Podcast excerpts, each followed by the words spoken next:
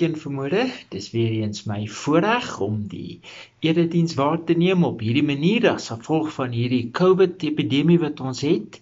Maar tog gaan die duiwel ons nie stop nie. En dit is lekker om by u te een te wees en te kan weet dat u is by die huis, maar tog is ons in 'n gees van aanbidding om die Here op hierdie Sabbat te aanbid in ons lewens. Kom ons buig net die hoofde voor ons begin. Ons sê Here, ons se God, dankie vir die voorreg wat ons het om nou stil te kan word en te kan toelaat dat U deur die Heilige Gees tot ons harte spreek. Ons vra dit in ons Jesus se naam. Amen. Ons boodskap vanoggend is getiteld Genade wat alles en almal insluit. Genade wat so groot is dat dit alles en almal insluit vir ons skriflesing nooi ek jou saam met te lees uit die boek van Romeine. Romeine hoofstuk 2 en ek lees daar net die eerste 3 versies. Romeine hoofstuk 2 vers 1 tot 3 en ek lees uit die ou vertaling en dit sê: Daarom is jy o mens wat oordeel wie jy ook mag wees sonder verontskuldiging want waarin jy 'n ander oordeel veroordeel jy jouself want jy wat oordeel doen dieselfde dinge. En ons weet dat die oordeel van God na waarheid is oor die wat sulke dinge doen. En meen jy o mens wat hulle oordeel wat sulke dinge doen en dit self doen dat jy die oordeel van God sal ontvlug. Sjoe, nogal harde woorde net dat ons dink jy dat jy die oordeel van God gaan ontvlug. Nou weet as Christene is ons gou om te erken ons aanbid 'n regverdige en 'n genadige God. Stem jy saam? Ons is baie vinnig om te sê ons aanbid 'n regverdige, maar ook 'n genadige God. Maar is God altyd regverdig in sy genade in ons oë? Hoe baie keer voel ons nie dat God nou net so 'n bietjie sy genade net te ver strek nie. Dat hy sekere mense ek bedoel net te genadig is. Kom ek noem u vir oggend 3 voorbeelde waar God se genade ek moet bieg ver verby my denkwyse gaan. Om die waarheid te sê, sy genade gaan so ver dat dit my nie net baie keer ontstel nie, maar ook baie keer kwaad maak. Die eerste geval is wat ek met u wil deel, is 'n persoon met die naam van Ted Bundy.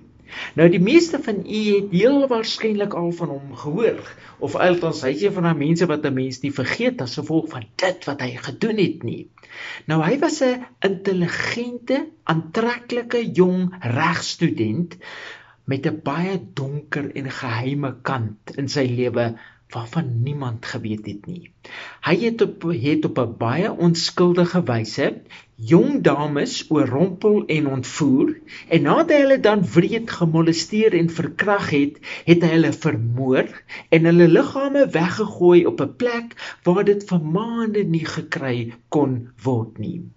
En so het dit letterlik vir jare en jare aangegaan, die een slagoffer na die ander. Toe hy uiteindelik en nogal per ongeluk gevang is, het hy alreeds 28 dames en meisies vermoor in dade te vreeslik om te beskryf. En dit was net die waarvan hulle geweet het. Hy was uiteindelik skuldig bevind en tot die doodstraf gevonnis vir die moord op 'n 12-jarige dogter wie se liggaam hy in 'n varkhok weggegooi het. Nou, dit het hom het omtrent 10 jaar geneem vandat hy tot die dood gevonnis is totdat hy finaal geoordeel is. Nou die dag met die voltrekking van sy doodsvonnis, het daar letterlik honderde mense buite gejuig met met plakate waarop woorde gestaan het soos burn bunny burn en you're dead dead. En sien, almal het saamgestem. Wat reg is, is reg. Jy wat geen genade aan jou slagoffers bewys het nie, sal ook geen genade bewys word nie. As daar iemand was wat volgens my mening moes sterf, dan was dit ook hy. sien, Ted Bundy moes sterf. Almal het saamgestem en ek het ook saamgestem. Maar toe gebeur daar iets. Terwyl Ted Bundy die jare in die dodesel sy dood sit en afwag, wat my totaal ontstel het. Ted Bundy kom skielik tot bekering. Hæ? Huh? Hy kom tot bekering. Hy aanvaar Jesus as sy verlosser, bely sy sondes en verklaar openlik dat hy nou 'n Christen is, 'n nuwe mens. Om die waarheid te sê, die dag met sy teregstelling, sterf hy met vrede in sy hart. En hy's kalm want hy het verlossing in sy lewe. En en ek weet nie van u nie, maar dit het my en miljoene ander mense ontstel. Hoe kan God so 'n persoon wat wat so gewelddadig vermoor het sonder om sy slagoffers genade te bewys en soveel pyn in families en vriende se lewens veroorsaak het, genadig wees? Ek bedoel, hoe kan God dit doen? Strek hy nie nou net sy genade 'n bietjie te ver nie? Ek bedoel, gaan dit nie nou net 'n bietjie te ver nie? En asof dit my nie alreeds ontstel nie. Lees ek nog die verhaal van 'n man met die naam van Jeffrey Daimler. Nog 'n reeks moordenaar wat seker nooit vergeet sal word nie as gevolg van dit wat hy gedoen het nie. Nou, Daimler was skuldig bevind aan 17 moorde. En weer eens was dit net hulle waaraan hulle hom kon koppel. Om die waarheid te sê, van die 17 moorde was 11 se lyke in sy woonstel gevind of althans wat oor was daarvan. sien hy het menslike liggaamsdele soos 'n slagter opgesny en verwerk en en dit dan letterlik gaar gemaak en geëet. Sjoe Ek wil daar is nie eers woorde in die woordeboek om iemand te kan beskryf wat mens harte verslind het nie en mens koppe in sy vrieskas geberre het nie.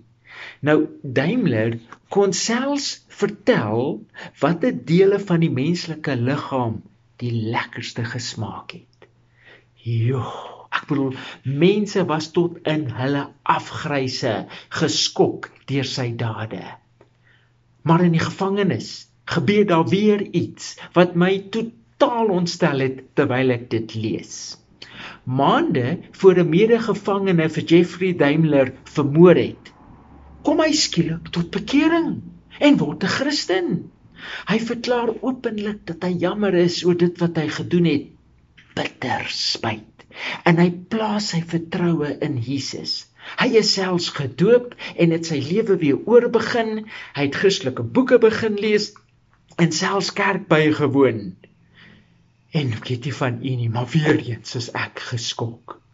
Hoe kan God genade bewys aan 'n kannibaal? Dit maak net nie sin nie of althans nie vir my nie. En asof hierdie twee gevalle nie erg genoeg is nie, nie skokkend genoeg is nie.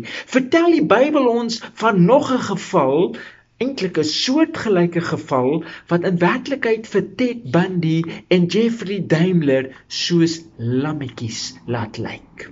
2 Kronieke 33 vertel ons die verhaal van bose koning Manasseh wat nogal vir 51 jaar as koning oor Juda geregeer het. Nou hy was seker een van Juda se wreedste en bose en verskriklikste konings nog. Hy het alles, letterlik alles wat boos en sleg was gedoen. Hy het self so ver gegaan deur sy eie seuns te offer en dit vir 'n geringe afgod, 'n stomme afgod. Hy het hom besig gehou, sê die Bybel vir ons met golery, waarsêery en todery. Die Bybel sê vir ons dat hy erger aangegaan het as al die bose ammoniete voor hulle, voor wie die Here hulle eintlik verdryf het.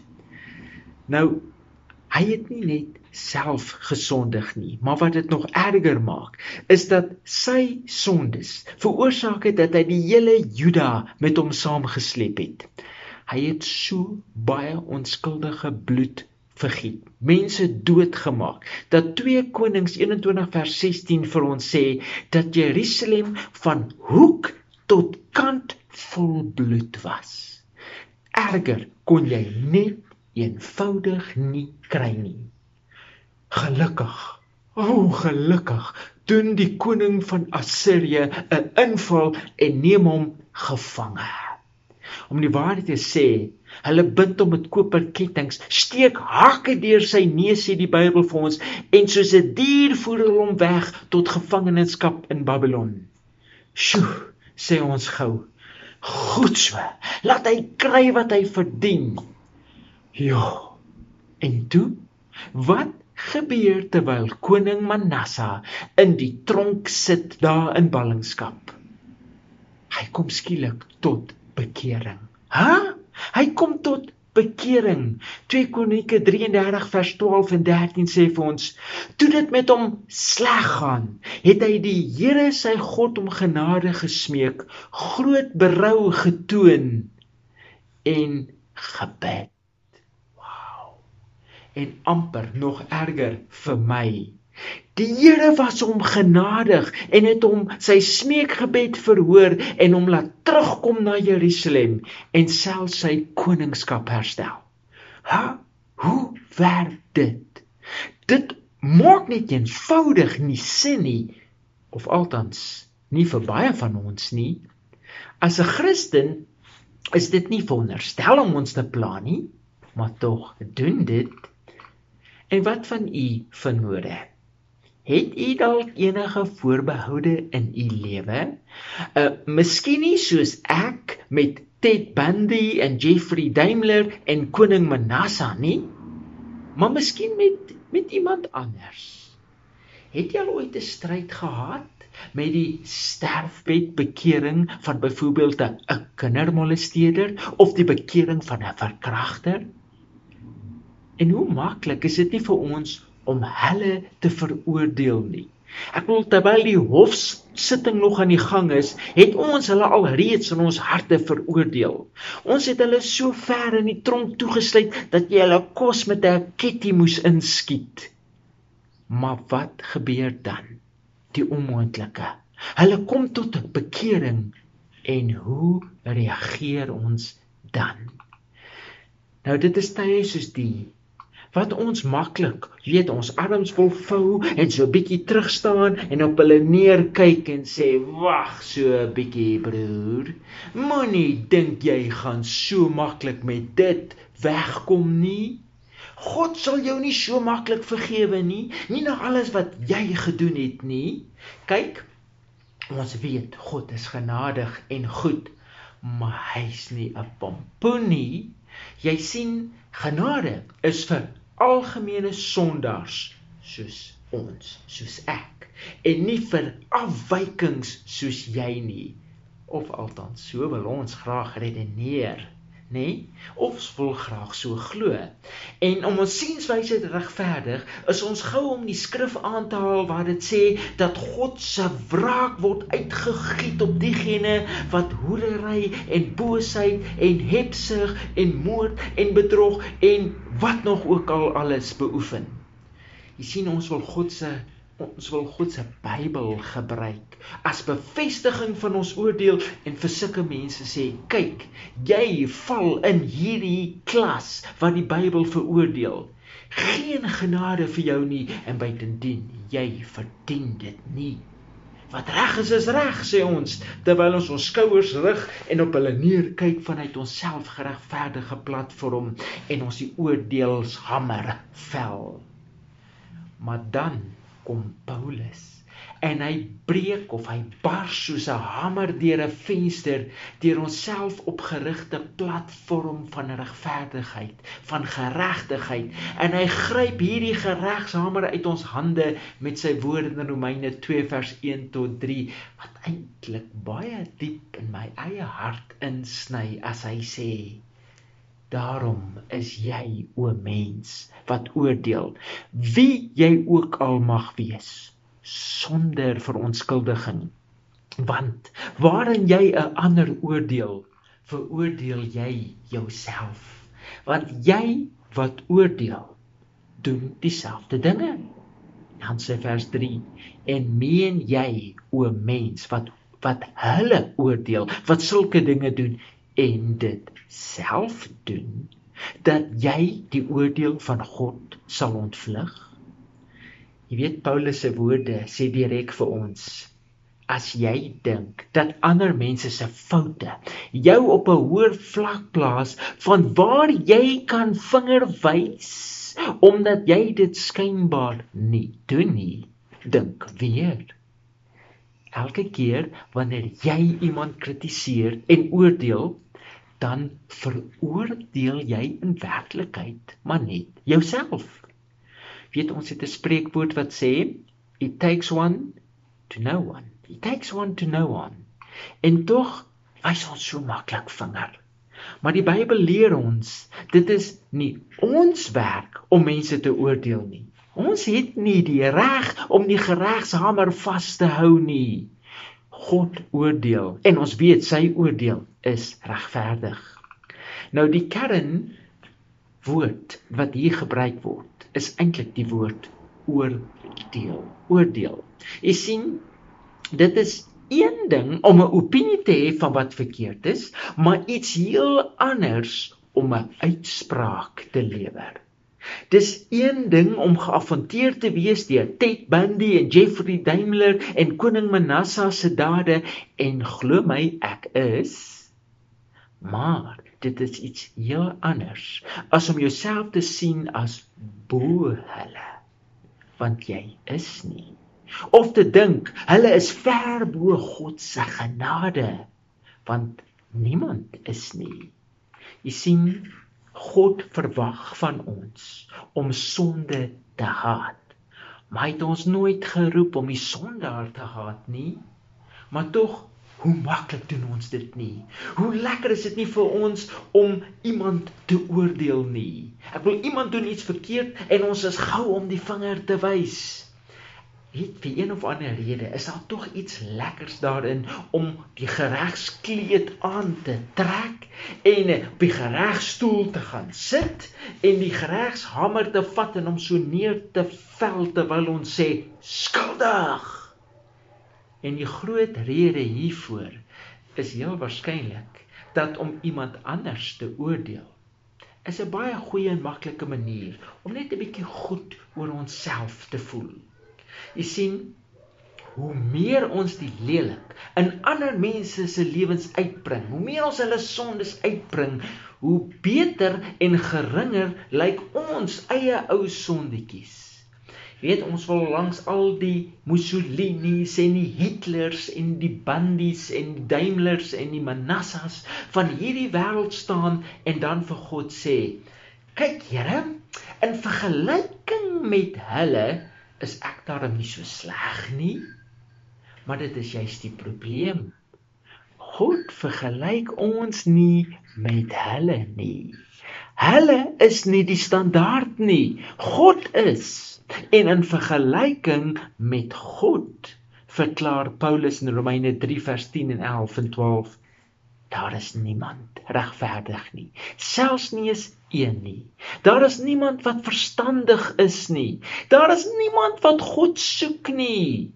Hulle en hy kon maar net sowel gesê het ons het almal afgewyk saam het ons ontaard daar is niemand wat goed doen nie daar is selfs nie eens een nie nou vir illustrasie onthaalwe. Kom ons veronderstel God maak alles baie makliker. Nou, veronderstel God kom by ons en hy sê vir ons: "Kom ons verander die Bybel so 'n bietjie." Nou, nou kom ons sê eerlik, God sal nooit so iets doen nie. So dis maar net 'n illustrasie wat ek 'n puntjie wil bewys. Veronderstel God kom by ons en hy sê vir ons kom ons maak dinge net so bietjie anders. In plaas van die 10 gebooie, kom ons verdun dit tot net een nuwe gebod, naamlik Om hemel toe te kan gaan, moet jy net die maan kan raak in een sprong. Ek wil niks meer van jou genaaste lief hê of geloof of gebed of om Jesus te volg en die 10 gebooie te hou nie. Nee. Al wat wat jy moet doen is net om in een sprong die maan te kan raak en jy sal hemel toe gaan. Sjoe. Sê vir my, uh sal enigiemand van ons dit ooit maak? Nee, natuurlik nie. Jy mag dalk 1 meter hoog spring en 'n ander een 2 meter, maar in vergelyking met die afstand na die maan kom nie enigiemand van ons enigsins naby nie. Nou stel jou voor, jy kry dit reg, dalk reg om 2 meter hoog te spring. Dis nou nogal hoog. En ek, ek wil ek kan nie eers 3 cm hoog spring nie. En jy kom na my toe en jy sê vir my, "Ag, shame, my ou leraar, jy kan nie eers so hoog spring soos ek nie." H? Huh? Hoe gaan jy dit ooit maak? Nou gee dit vir jou enige rede om op trots te wees en my te veroordeel? H? Nee.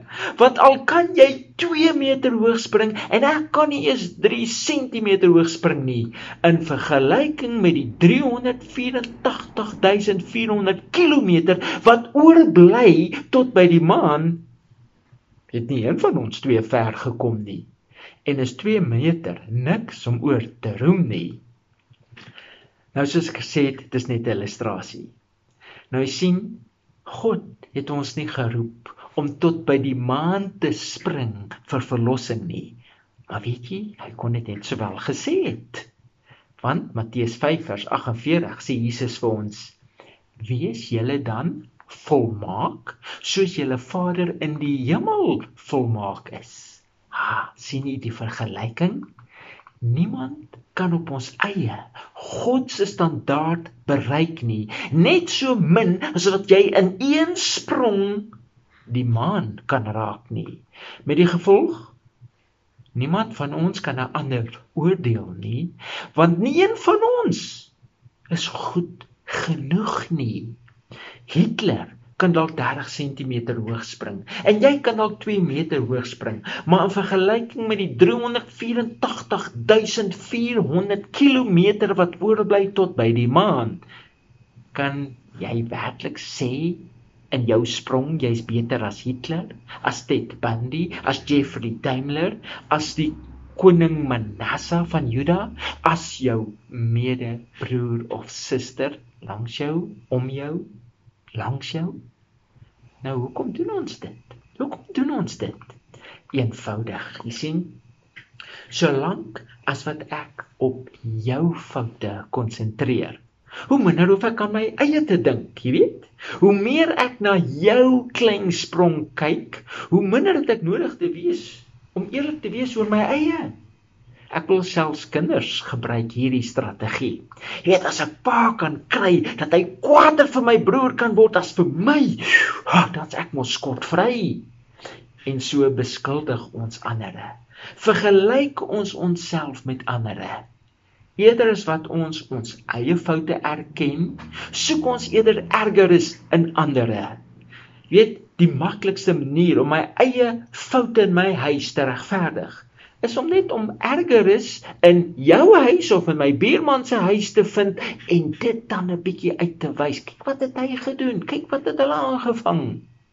Weet ons is soos die spotprent van die mal man wat eendag by 'n sielkundige aangekom het terwyl hy 'n groot krap gehad het wat oor sy kop gehang het oor belle hier wat so lemoene en gekleurde brille o hy het so weird gelyk. En hy kom by die sielkundige en hy sê dokter ek is ek is baie bekommerd oor my broer. Ek wil bietjie met jou gesels oor my broer. Hy tree deesdae baie snaaks op. Terwyl hy self die een is met die probleem. Jy sien Net so wil ons baie keer God se genade opeis vir onsself asof ons dit daarom tog in so mate verdien terwyl ons God se onverdiende guns vir ander mense wil beperk.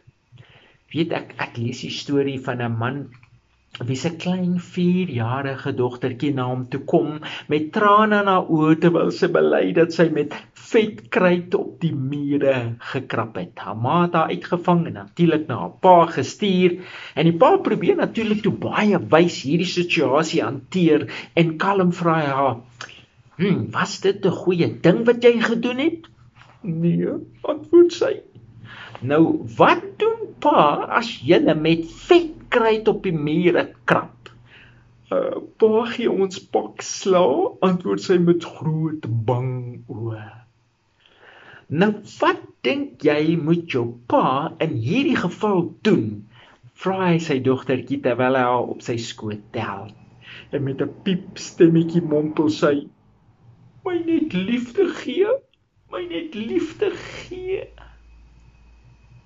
En is dit nie ook iets waarna ons elkeen verlang nie?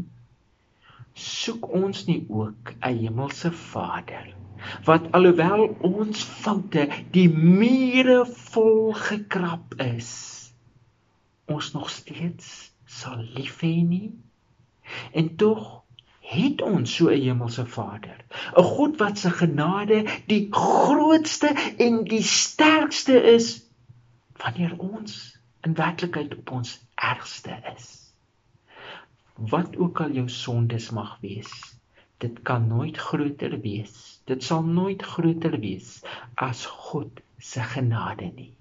Al is jou naam Ted Bundy, Jeffrey Daimler of koning Manasseh. En sover as wat ek weet, het Ted Bundy en Jeffrey Daimler en koning Manasseh in werklikheid dieselfde gedoen as hierdie 4-jarige ou dogtertjie. Hulle het vir God gevra om genade. Vir God om hulle net liefde te gee in plaas van wat hulle verdien het. En as ons daaroor nadink, dan besef ons dat Bundy en Daimler en Manasseh se versoek is nie verskillend van jou en my se versoek wat ons elke dag tot God rig nie. Hulle het dit miskien vanuit 'n tronksel gemaak. En ek maak dit miskien vanuit 'n kerkbank, maar vanaf 'n hemelse oogpunt. Vra ons maar almal vir die maan. Stem jy saam? Uit 'n hemelse oogpunt vra ons maar almal vir die maan. En deur God se groot en onbeperkte genade kry ons almal dit. Wow. Kry ons almal dit. Amen.